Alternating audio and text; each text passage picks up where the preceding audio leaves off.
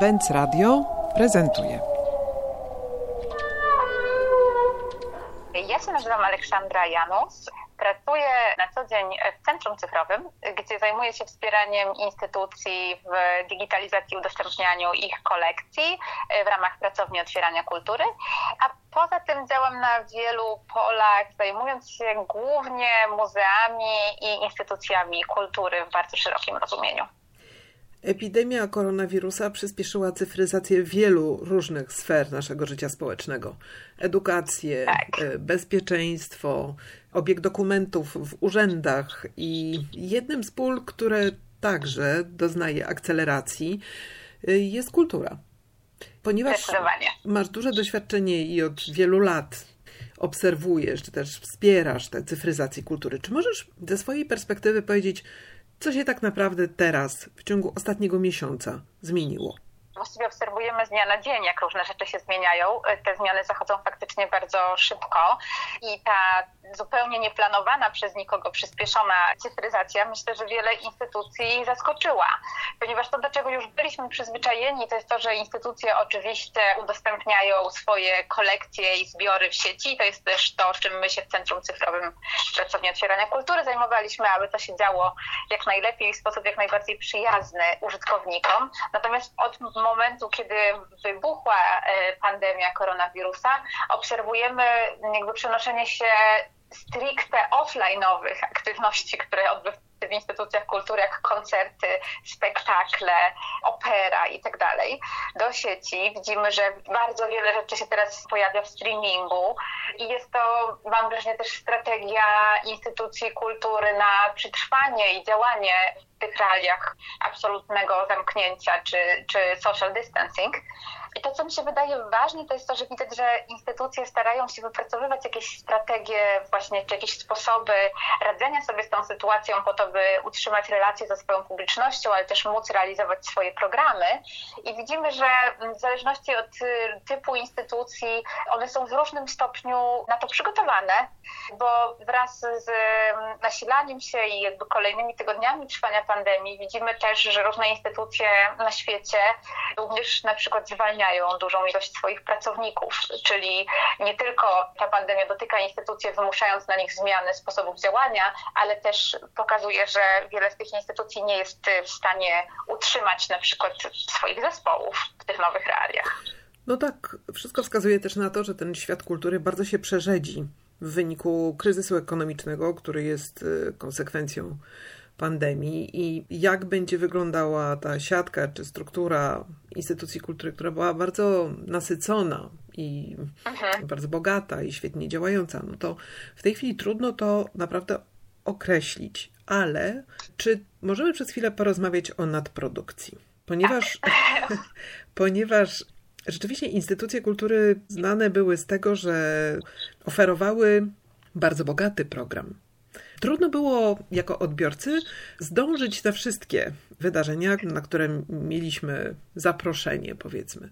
W tej chwili jest to jeszcze trudniejsze. Nie starczy doby na to, żeby obejrzeć wszystkie treści, które są udostępniane w sieci, które pochodzą od instytucji kultury, artystów, twórców, muzyków, a nawet y, kuratorów, historyków sztuki, którzy nagle, czy architektury, którzy nagle uruchomili jakby całe swoje moce przerobowe po to, żeby przekazać to jakby w ostatniej takiej konwulsji starego świata odbiorcom. Co to powoduje ta nadprodukcja? Wiesz, ja obserwuję to też i szczerze mówiąc z pewnym znużeniem przyjmowałam kolejne teksty i artykuły będące zestawieniami tego, gdzie i w czym możesz uczestniczyć online dzisiaj, jutro i pojutrze. I wydaje mi się, że faktycznie to nie tylko sprawia pewien kłopot odbiorcom, którzy oczywiście nie są w stanie konsumować tak szerokiej oferty i też prawdopodobnie nie są w stanie wytrzymać też tak wielu godzin przed ekranem swojego komputera czy smartfona. No i pytanie, czy my chcemy, żeby oni cały czas w ten ekran się tam popatrywali. Ale mam też poczucie, że w tym wszystkim trochę tracimy z oczu coś, co być może instytucje kultury czy różne osoby związane z tym sektorem mogłyby również robić, a czego ja osobiście widzę dużo mniej, to znaczy faktycznie widzimy wszelkie rodzaje streamowania wszystkiego aktualnie i jakby trudno się dziwić, bo każdy sięga po środki, które jakby są w miarę szybkie i łatwe, żeby móc realizować taką ofertę, jaką do tej pory jako instytucja czy twórcy realizowali. Natomiast y, mam wrażenie, że trochę zapominamy o tym, że instytucje kultury w swojej misji mają, y, na przykład jest to zapisane w definicji muzeów, że one działają w służbie i jego rozwoju. I mam wrażenie, że trochę tracimy z oczu to, że te instytucje być może mogłyby wykorzystać ten czas też, aby zastanowić się nad tym, w jaki sposób, znając te swoje publiczności, swoich odbiorców, mogą w nieco bardziej, być może przemyślany sposób y, wspierać te swoje publiczności albo komunikować się z nimi w tym czasie, który jest y, dla wszystkich trudny, a wygląda na to, że nieprędko się skończy. I oczywiście to nie jest łatwe zadanie i myślę, że jakby to zależy od instytucji, jak dana instytucja sobie odpowie na to pytanie, co oni ze swoimi zasobami, kompetencjami, personelem, kolekcją mogliby zrobić znaczącego w tym trudnym czasie. Natomiast mam poczucie, że ta odpowiedź bardzo rzadko będzie brzmiała zrobić kolejny streaming czegoś na Facebooku. I nie mówię, że jakby takich rzeczy nie potrzebujemy. Ja myślę, że to jest fajne, że ta oferta jest y, tak szeroka i, i fajnie, że można do tych różnych rzeczy mieć dostęp. Natomiast myślę, że to jest bardzo na powierzchni tego, czego naprawdę nam teraz potrzeba. No właśnie, bo z Twojej perspektywy, co w tej chwili, w tej cyfryzacji, powiedzmy, czy udostępnianiu nie tylko zasobów czy zbiorów, które mają instytucje kultury, nie tylko tego potencjału, ale także no, jakiegoś powiedzmy zasobu wiedzy, które one także gromadzą. Co z Twojej perspektywy w tej chwili jest najbardziej sensowne? Czym, jeżeli byłabym małą instytucją kultury o bardzo ograniczonych zasobach, a właściwie już bez zasobów, bądźmy szczere, to e, w co powinnam zainwestować moją energię? To jest rzeczywiście bardzo trudne pytanie i, i ja spróbuję tutaj pospekulować. Wiesz, wielkim problemem udostępniania cyfryzowanych zasobów już przed pandemią było to, że podaż jest znacznie większa niż popyt. To znaczy dużo więcej zasobów się udostępnia niż tak naprawdę ci odbiorcy są w stanie konsumować.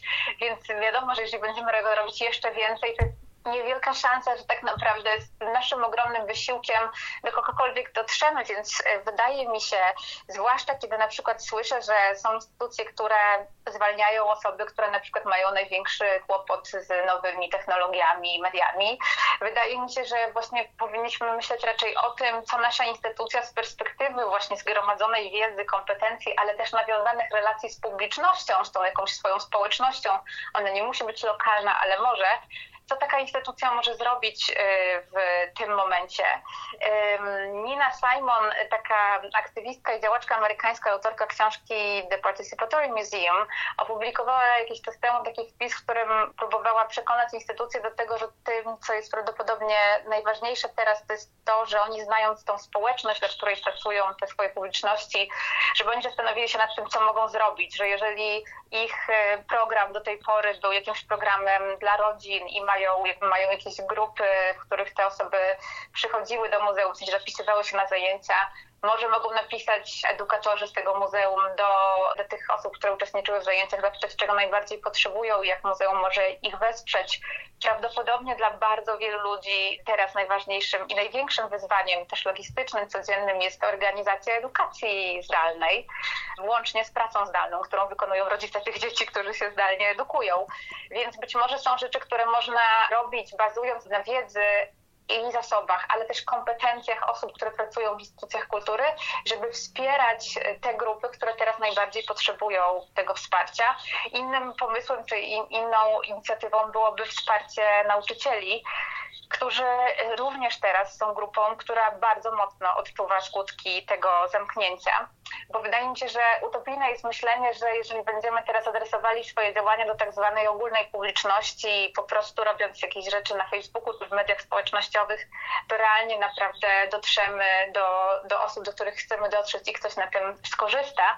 Więc w zależności od tego, jaką mamy jako instytucja publiczność, jeżeli jesteśmy małą lokalną instytucją, to jeszcze lepiej w pewnym sensie prawdopodobnie znamy te osoby, które są naszą publicznością i które teraz mogą mieć jakieś dosyć konkretne potrzeby, niewątpliwie inne niż te, które, które miały i mają, kiedy sytuacja jest y, nie tak wymagająca jak teraz. To jest też taki moment, kiedy oprócz tej nadprodukcji, rozpoznania publiczności, jej potrzeb i tak naprawdę przeniesienia uczestnictwa w kulturze na inny poziom, trudniejszy, bo zapośredniczony właśnie przez te nowe technologie, to jest także czas na to, żeby przemyśleć sam sposób funkcjonowania instytucji kultury. Bierzesz udział w takim grupowym namyśle nad ekologią muzeów. Co to właściwie znaczy, że muzeum czy instytucja kultury ma być ekologiczna?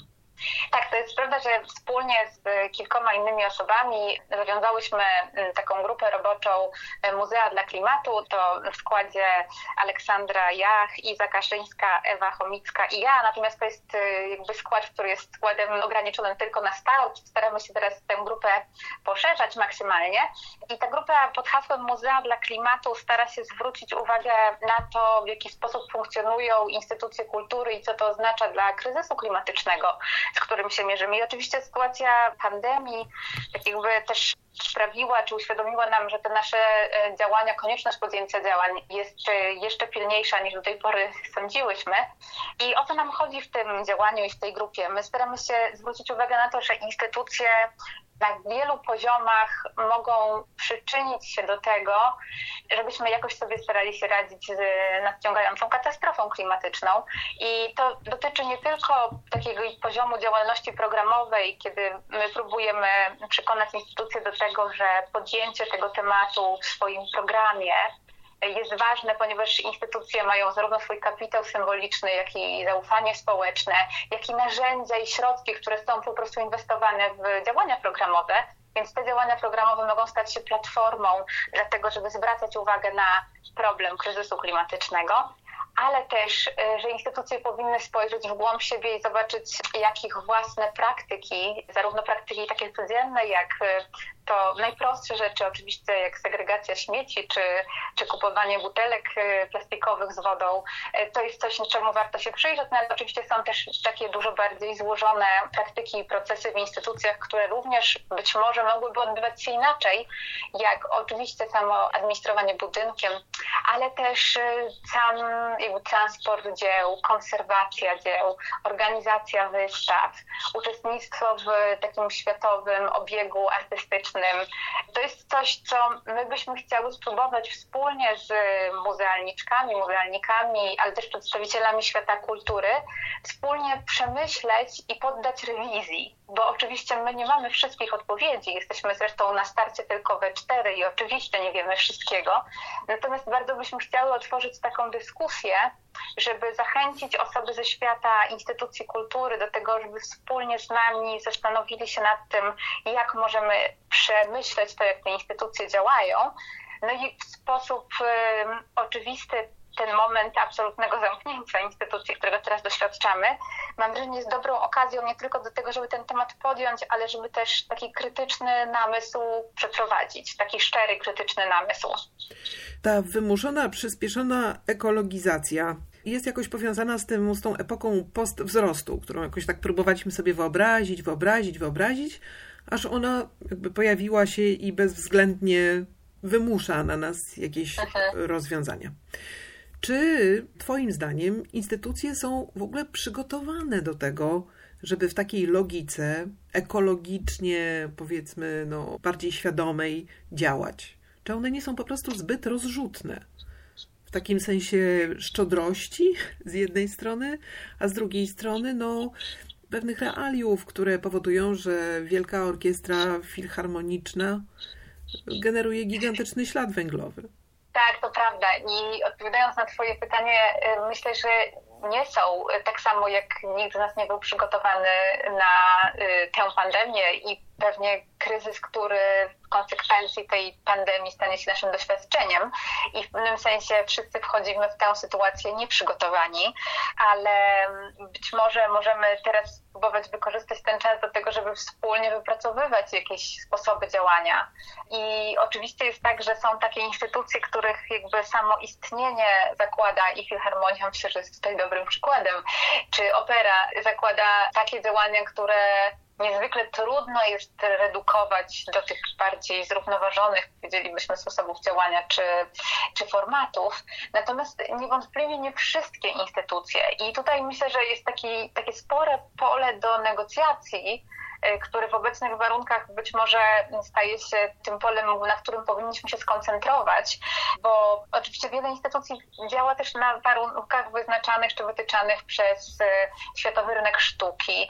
I być może odpowiedzenie sobie na pytanie, na ile ten rytm i sposób działania jest konieczny, być może wyznaczenie innych priorytetów związanych z y, tymi wyjątkowymi okolicznościami, no ale też jakby z czasem, w którym żyjemy, sprawi, że pewne rzeczy da się po prostu ograniczyć, zredukować lub przemyśleć na nowo, bo takim wielkim zagadnieniem też działania instytucji kultury są po prostu formaty wydarzeń, które być może wcale nie muszą pozostać takie same i już teraz widzimy, że one się zmieniają pod wpływem tego, że wszystko musiało przenieść się do sieci, więc być może jest to jakaś próba czy poligon dla eksperymentowania z tym, jak one mogą się zmienić.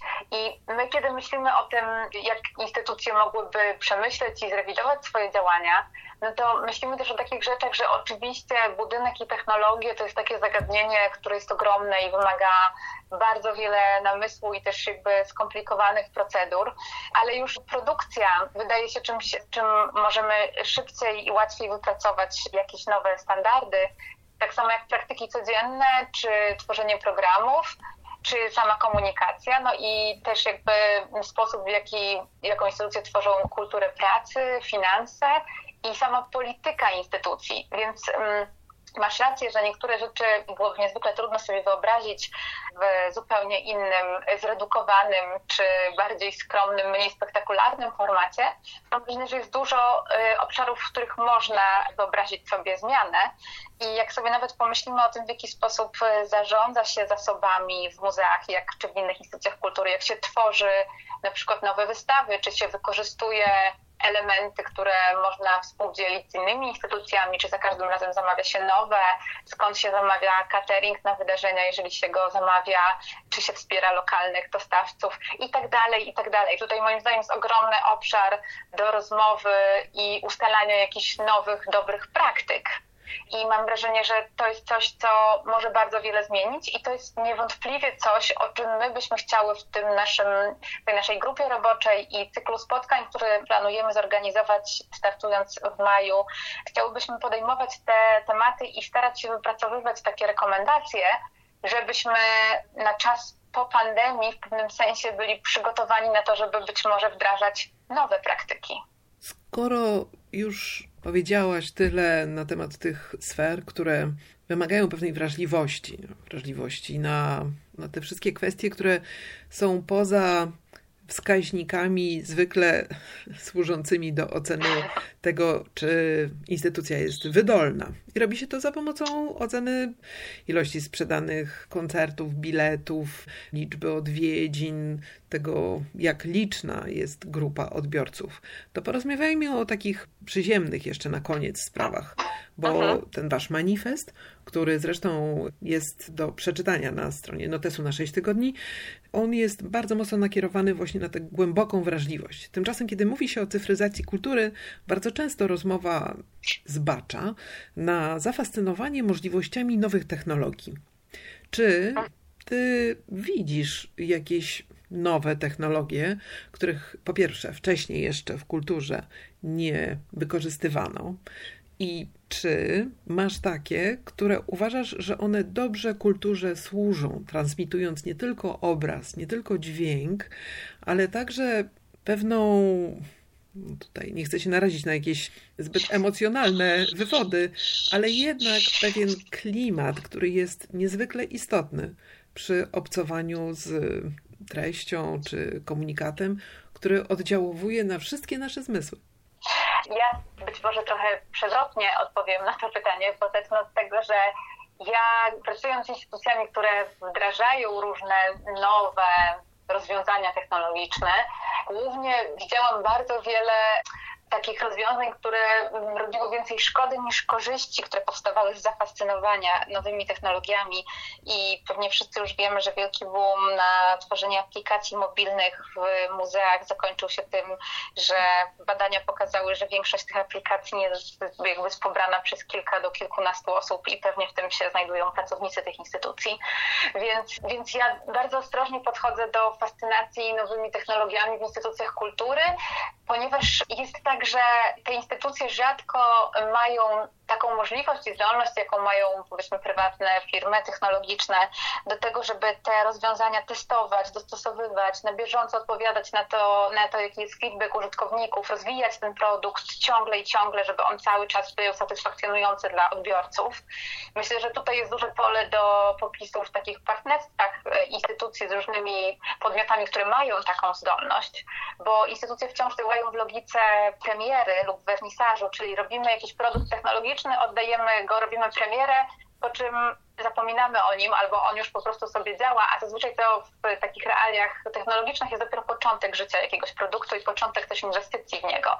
Więc być może tutaj ja jestem sceptyczką, zaraz powiem o pewnej technologii, która być może coś ciekawego wnosi, ale wydaje mi się, że tym, na czym muzea i inne instytucje powinny się skupić, to jest raczej niż tworzenie własnych platform czy narzędzi, bo muzea nie są software house'ami, w sensie one się specjalizują w czymś innym. Są kraje na świecie, jak Kanada, gdzie wizytę w muzeum przypisuje się na receptę, więc specjalnością muzeum jest coś innego i e, być może one powinny skupić się na tym, żeby korzystać z istniejących infrastruktur, do których ludzie mają dostęp i po prostu docierać do tej publiczności ze swoimi zasobami, wiedzą tam, gdzie ona już jest. Świetnym przykładem są wszelkie współprace instytucji kultury z Wikipedią. I to naprawdę daje tym treściom z instytucji kultury zasięg taki, jakiego nie da im żadna apka, którą sobie zrobią przy dowolnych nakładach finansowych. Więc ja jestem wielką orędowniczką takiego zrównoważonego myślenia o wykorzystywaniu technologii w instytucjach. Ale oczywiście, kiedy pytałeś o to doświadczenie wielozmysłowe, doświadczenie, które jakby jest powiązane z pewną atmosferą, to oczywiście znamy eksperymenty z kulturą w VR czy poszerzonej rzeczywistości i niewątpliwie to się będzie rozwijać, bo te technologie y, się rozwijają i pewnie zobaczymy wiele inspirujących przykładów wykorzystania tych y, technologii. Natomiast y, ja mam poczucie, że czasem to, jaka to jest technologia, jest zdecydowanie drugorzędne w stosunku do tego, co ta instytucja ma do zaoferowania. I wydaje mi się, że docieranie ze swoimi, jakby ze swoją wiedzą i zasobami do grup odbiorców, które akurat mogą tego rodzaju treści poszukiwać czy potrzebować, jest znacznie istotniejsze i powinno być znacznie istotniejsze z punktu widzenia instytucji, bo też trudno mi sobie wyobrazić instytucje, które, zwłaszcza w Polsce, ale nie tylko, które dziś mają zasoby, środki i, że tak powiem, moce przerobowe do tego, żeby, żeby inwestować w rozwój zupełnie nowych, bardzo zaawansowanych narzędzi i do tego nie tylko ich rozwój, ale później jakby ich utrzymanie i takie długie trwanie.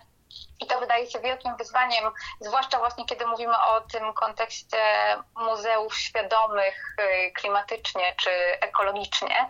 Wydaje mi się, że ja obstawiam, że przyszłość cyfryzacji y, instytucji będzie raczej zmierzała w takim kierunku, że instytucje będą dalej robiły to, na czym się dobrze znają, czyli próbowały opracowywać to, co przechowują i jakby przybliżać to publiczności, a nie zajmować się tworzeniem technologii, że być może inne podmioty będą pomagały im dobrać technologie, które najlepiej spełniają to zadanie, ale jednocześnie, że będą to technologie, które szanują prywatność użytkowników i nie handlują ich danymi i są nastawione właśnie na to, żeby nie starzały się po pół roku. I myślę, że to jest coś, co jest jednym z ważnych tematów, który również w świetle tego, co dzieje się teraz i tego, co nadchodzi, będziemy musieli przemyśleć. Trudno wyczuć, czy jesteś optymistką, czy pesymistką. Wierzysz, że wszystko będzie dobrze? Mm, mam taką nadzieję. To miejmy ją. Dziękuję Ci bardzo za rozmowę. Miejmy ją. Dzięki wielkie.